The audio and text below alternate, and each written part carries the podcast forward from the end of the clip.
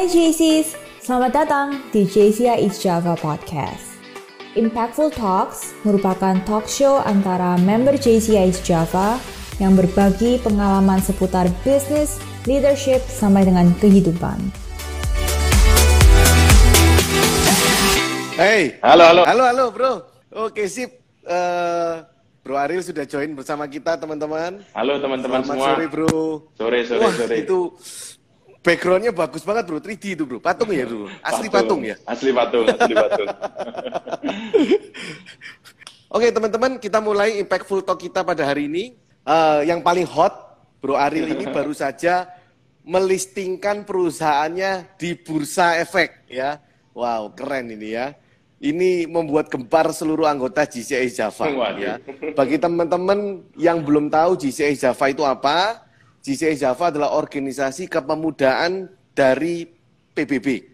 Rata-rata usia yang bergabung di bawah 40 tahun, eh, terdiri dari berbagai macam pekerjaan, ada yang profesional, ada yang pengusaha, ada juga yang baru merintis usahanya. Tujuan kita bergabung bersama GCI Java tentu membangun networking seluas-luasnya dan saling belajar. Salah satunya melalui program Impact Food Talk ini. Baik, sekarang saya ke Bro Aril. Bro, Ya, bro. bisa cerita sedikit nggak gimana perjalanan background bisnismu itu apa sih bro sebenarnya banyak sekali, saya bingung. Eh, Silakan bro. Kita cerita mulai awal ya. Kebetulan Ya. eh, saya lulus kuliah waktu itu 2004. Saya ini bungsu paling kecil. Nah kebetulan dipanggil oleh mama saya waktu itu untuk balik ke Indonesia duluan dibanding kakak-kakak saya untuk bantu pekerjaannya. Ya singkat cerita, bisnis utama kita ini saya ini bisnis yang generasi ketiga.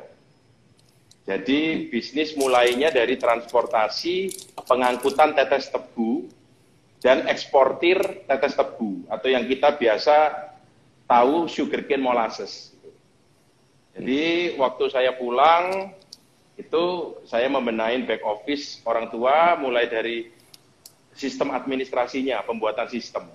Waktu itu masih ingat itu karena ada anggota GCI yang kolaborasi sama saya, Bro Adi Wibisono.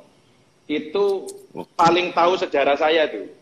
Dari 2000 Bro Adi waktu itu masih kuliah di STTS, sudah saya kasih kerjaan tuh, job pertama kali.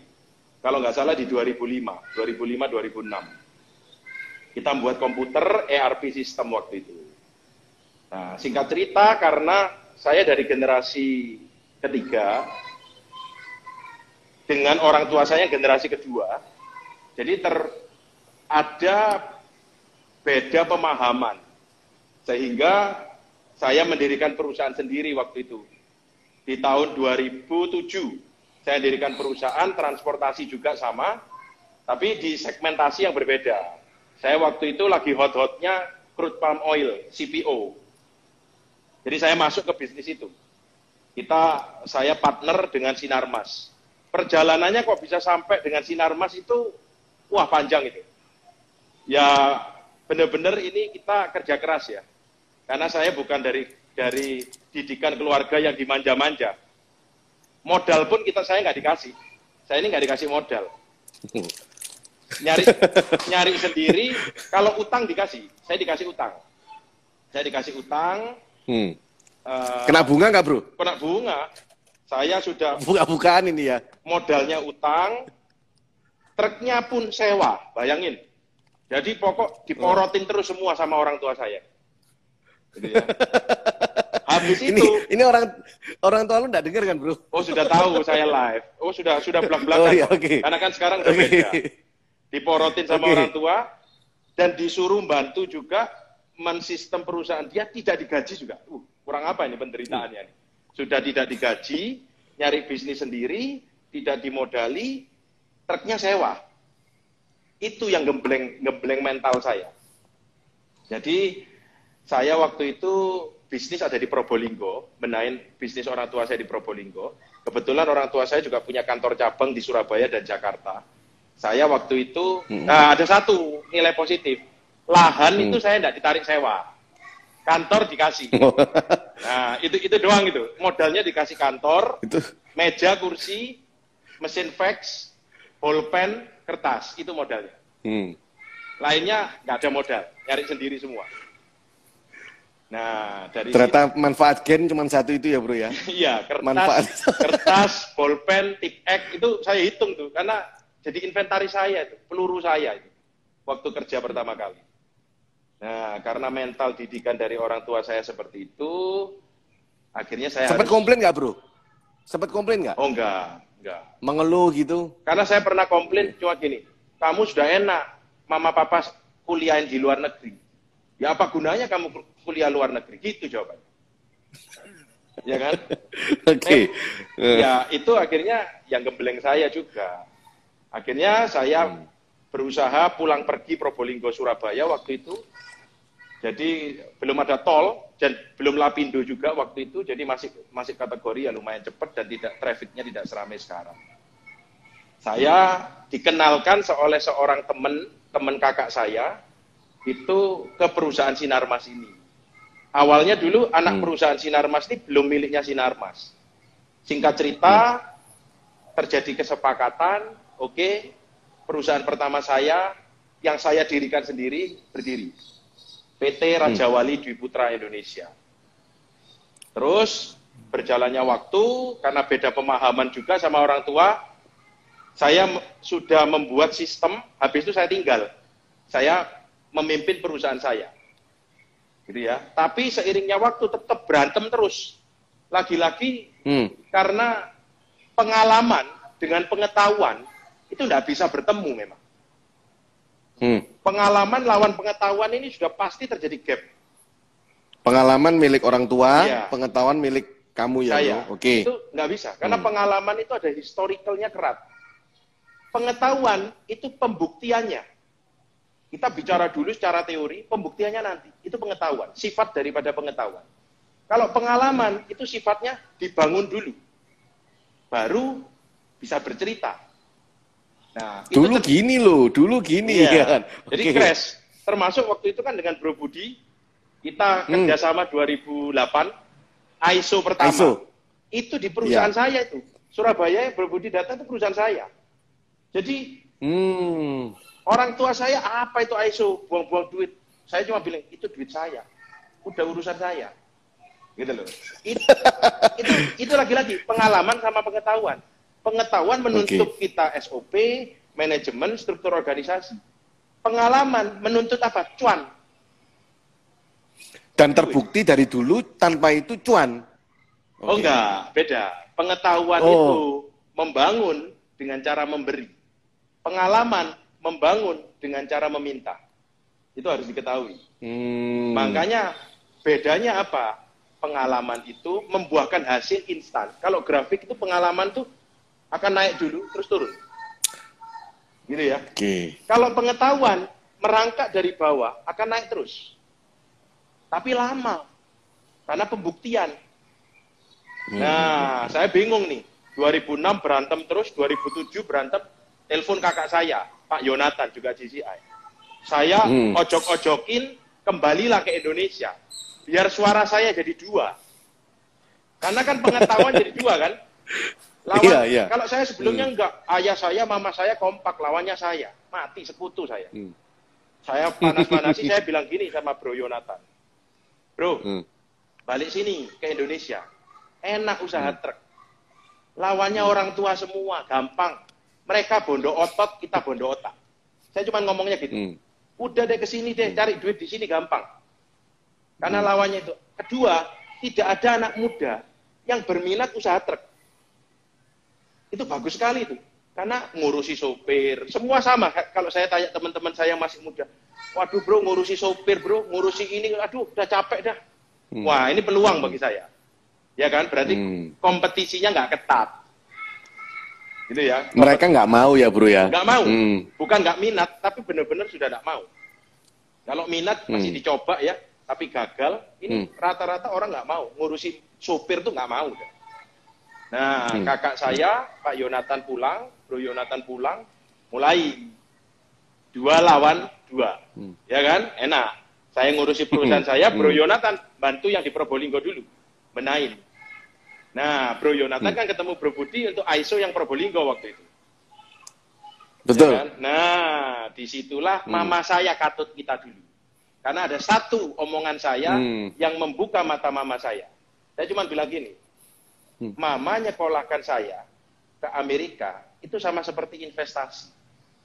Kenapa investasi pengetahuan itu tidak dihargai? Hmm. Itu yang saya bilang.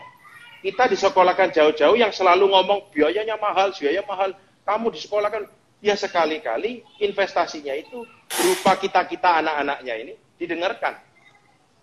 Iya. Nah, itu yang saya omong pertama kali. Baru sekarang tiga lawan satu, lawan ayah saya sendiri. Itu yang Paling susah Oh, ini. paling susah itu. Oh, paling susah. Paling susah itu. Paling susah. Iya. Dan singkat ceritanya, lagi-lagi, meskipun sudah tiga lawan satu, tidak kuat. Bro Yonatan tidak kuat.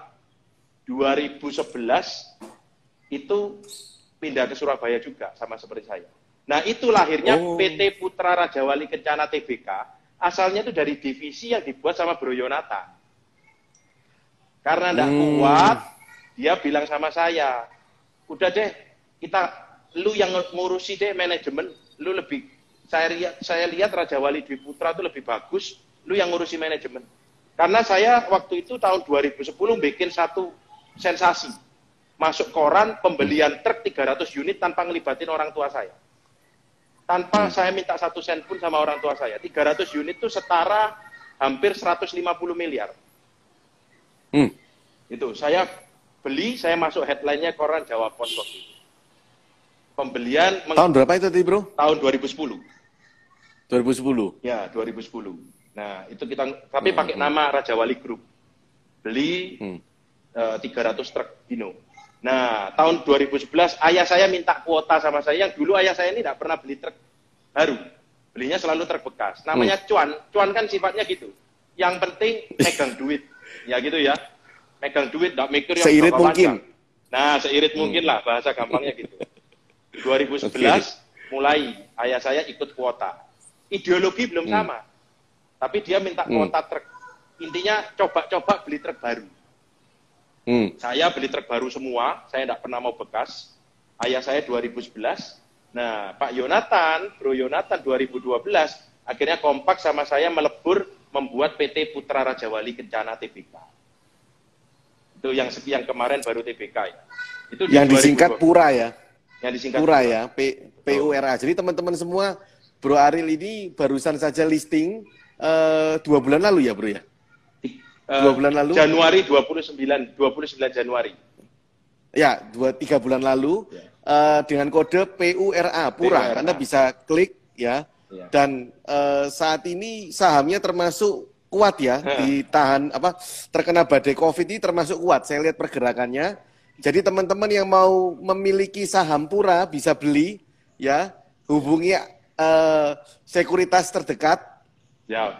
dipasarkan di sekuritas-sekuritas kodenya PURA. Kita Nilainya mumpung masih murah. Kita top frekuensi terus. Kemarin di forum kita mengalahkan BRI. Top frekuensi terus ya. Jadi kalau Bank, lihat Bank BRI. Bank BRI kalah. Hari ini juga top frekuensi lagi kita. Jadi top frekuensi itu sama seperti likuiditas ya. Sangat-sangat liquid sekali. Transaksi perdagangan hari ini tadi sudah mencapai hampir satu hari rata-rata kita di 10-15 miliar lah. Itu berapa persen bro yang dilempar ke pasar bro? Yang Prosentasenya? dilempar ke pasar 34 persen. 34 persen. Oke. Ya. Oke. Tuh. Jadi cukup cukup liquid dan top frekuensi. Tujuan utamanya apa bro dulu bro? Untuk IPO itu? Jadi sebenarnya gini, cerita lagi agak agak mundur ke belakang. IPO itu saya sudah siapkan di tahun 2008 saat saya saya memutuskan ISO pertama kali. Dan saya ISO perusahaan transportasi tracking pertama di Indonesia. Hmm. Itu saya sudah memutuskan mempunyai blue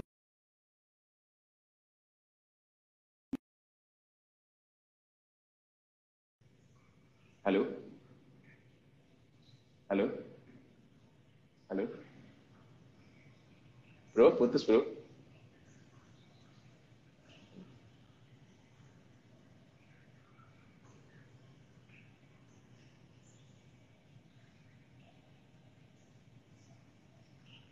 Halo? Halo? Bro Budi?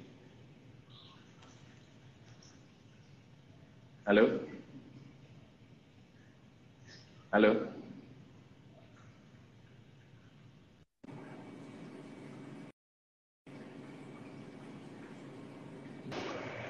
Halo?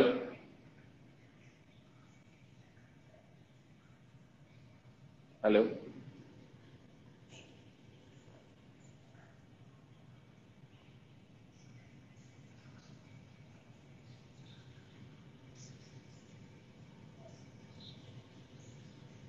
Halo? Bro, suaranya bro, nggak ada bro.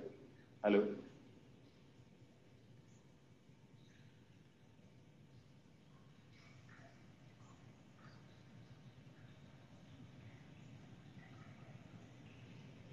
Saya nggak dengar suaranya Bro Budi.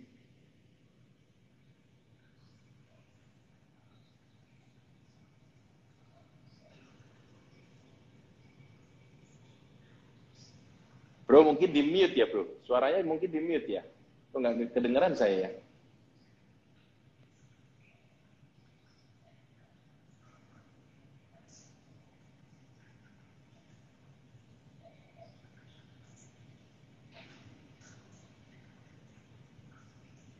Halo bro, suaranya nggak kedengeran bro.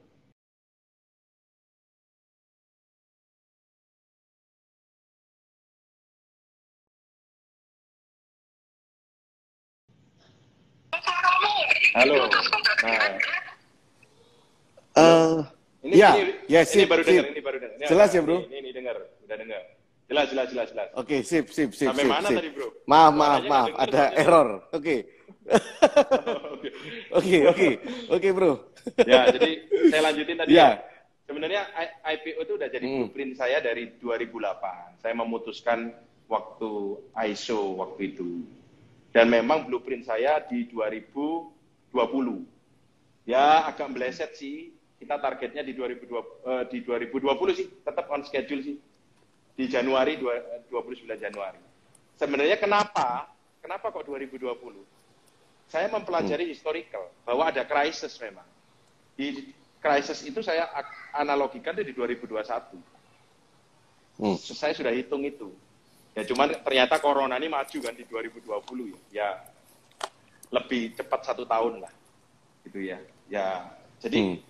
Kalau menjawab pertanyaan kenapa kita IPO, sebenarnya itu untuk membuat perusahaan saya lebih profesional supaya visi visi kita semua itu sama. Dan orang tua saya baru menyerahkan pangkat estafet holding itu di 2013. Di mana kita akhirnya satu visi semua sama. Dan saya di dalam perusahaan sudah ditunjuk sebagai yang paling tinggi. Dan orang tua saya di dalam bisnis saya atur mereka juga sudah mulai mau. Dan kalau kita setiap Hmm. hari meeting keluarga itu selalu saya yang mimpin. Di dalam hal bisnis ya. Kalau di keluarga ya tetap Hmm. saya anak gitu ya. Dan sudah Hmm. menerapkan sistem gaji, orang tua saya kalau ambil duit sudah kita catat sebagai hutang dan itu akhirnya berhasil. Gitu ya, berhasil sehingga IPO ini menjadi satu hal yang sama-sama disepakati. IPO. Hmm. Itu yang membuat kepercayaan diri saya meningkat. Karena sebenarnya motivasi yang terpenting itu kalau dalam satu family business ini satu visi. Kuncinya di situ, bukan lagi planning, grand plan atau segala macam enggak. Selama kita satu suara, satu visi, maka semuanya itu akan terjadi. Nah, puji Tuhan, kita direstui kemarin 29 Januari kita go public dan kita melepas 34 persen. Kenapa? Sebenarnya cukup simpel. Ini merupakan family business tiga generasi, di mana bisnis ini tidak boleh punah. Itu semboyan saya. Saya dari dulu bicara generasi satu itu menciptakan, generasi dua itu memba- membangun, generasi tiga itu mengembangkan. Itu teori ekonomi pembelajaran yang saya dapat di sekolah. Tidak ada generasi tiga itu meruntuhkan. Kalau itu bahasa pesimis tuh. Itu Indonesia aja tuh. Pepatah-pepatah hanya ada di Indonesia. Kalau di luar negeri nggak ada. Ini ada yang ngasih ada yang ngasih apresiasi, Bro. Luar biasa, Pak, bisa satu visi dengan generasi orang tua. Memang ini masalah kebanyakan ya di Indonesia ya. Betul. Jadi Eh, Hmm. Karena sekali lagi masalah otot dan otak. Untungnya pengetahuan dan pengalaman. Hmm. Untungnya saya bisa membuktikan perusahaan saya itu menjadi perusahaan yang menyumbang omset dan pendapatan paling besar sampai saat ini. Sampai saat ini. Itulah yang Bro, ini ada pertanyaan ada pertanyaan bagus nih, Bro. Hah? Kenapa Pak IPO di kondisi krisis? Kalau ya kenapa IPO ketika krisis? Jadi memang ah, sebenarnya gini. Saya ulang ya, Bro, pertanyaannya. Ya. Jadi memang rencana IPO-nya di kondisi krisis ya, Pak? Kalau iya, kenapa Pak IPO ketika krisis? Nah, grand plan kita itu IPO itu di hitungan saya itu sebelum krisis. Sebelum hmm. krisis ya. Jadi kan di hmm. grand plan saya itu 2021 itu akan ada krisis. Gitu ya. Kenapa IPO itu sebelum krisis? Karena IPO ini sifatnya kan uh, investor. Kita ngomong investor relation. Kita mencari suatu hmm. bentuk kerjasama investasi, membuka investor untuk gabung di perusahaan kita. Ya pastinya sebelum hmm. krisis. Ya ternyata hitungan saya kan krisis itu maju. Saya nggak nggak tahu kalau kemarin itu setelah pencet bel itu krisis di depan saya saya nggak tahu itu. Saya nggak tahu, jujur nggak hmm. tahu saya. Saya kira itu 2000, 2021.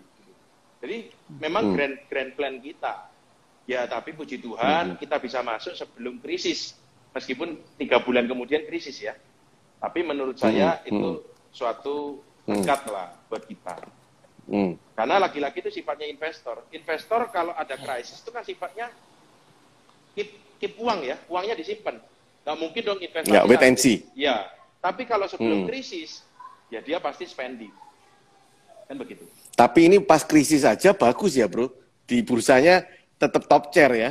Karena kebetulan saya ini uh, masuknya itu di sub, uh, segmennya infrastruktur dan kita aset hmm. management dan saya satu-satunya hmm. perusahaan industri, ini di garis bawah ya, industri transportasi hmm. truk. Kalau yang lainnya itu jasa. Saya bukan jasa. Hmm.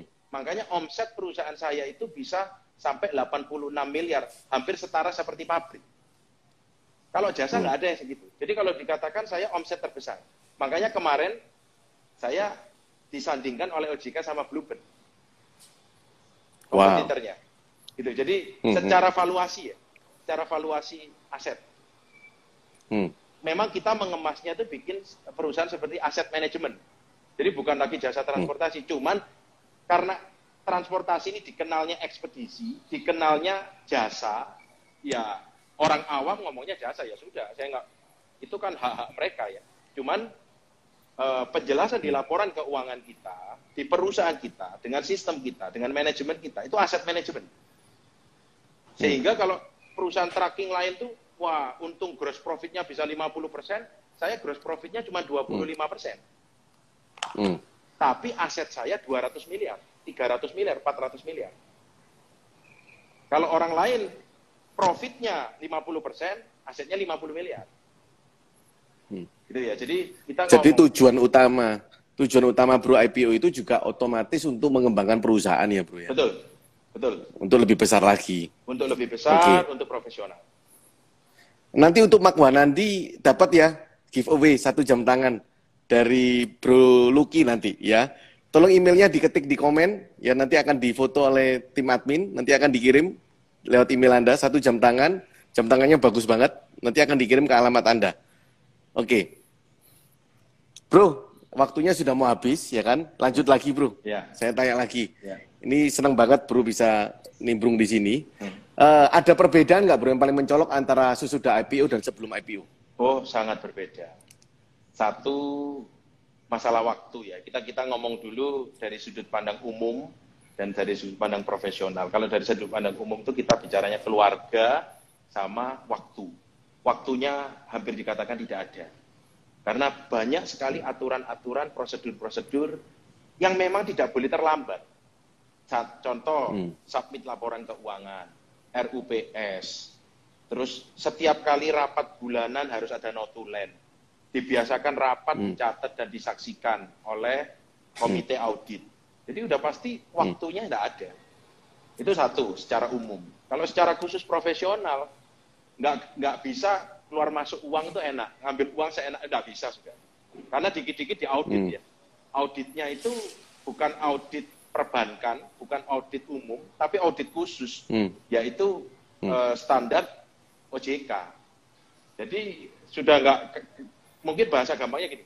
Kalau audit umum itu gampang dikit-dikit biaya itu direklas. Wah Pak, ini ada hmm. uang masuk keluar reklas, reklas coret-coret gitu. Kalau IPO nggak hmm. bisa gitu bro, harus dipertanggungjawabkan. Hmm. Nah itu perbedaan yang mungkin secara garis besar yang saya sampaikan sangat berbeda, sangat berbeda. Tapi profesionalismenya memang kalau memang kita ingin ke depan, ibaratnya ada krisis pun kita tetap bisa survive, ya harus IPO. Bro, pesan terakhir bro untuk teman-teman yang sedang meneruskan organisasi orang tuanya ataupun bagi mereka yang ingin memiliki usaha sendiri bro. Pesan terakhir bro, lima menit. Ya. Apa ini bro, pesan penutup?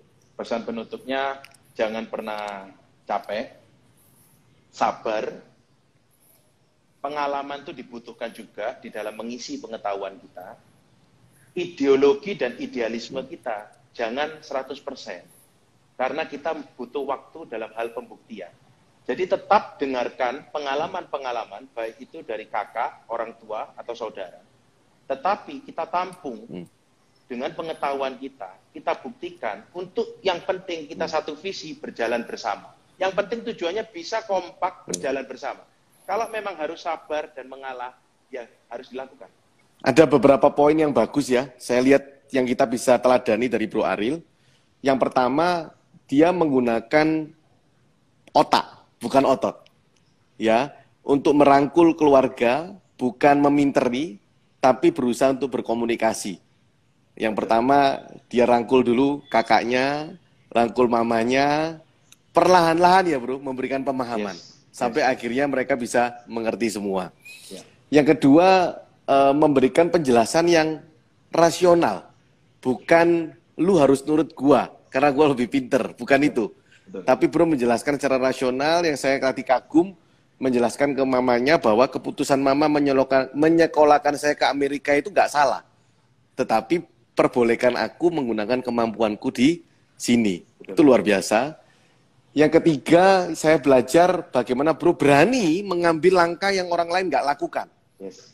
Melakukan IPO di perusahaan transportasi yang di awal mulanya di Probolinggo, dan bro berpegang teguh kepada prinsip tidak mau ikut arus. Yang mengatakan generasi ketiga menghancurkan, tapi bro tetap pegang prinsip bahwa generasi ketiga adalah mengembangkan. Bro ini orangnya positif sekali.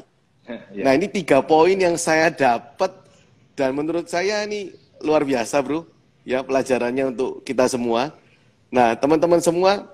Uh, Satu lagi ada nih, 60. Ya. Oh silakan, silakan bro.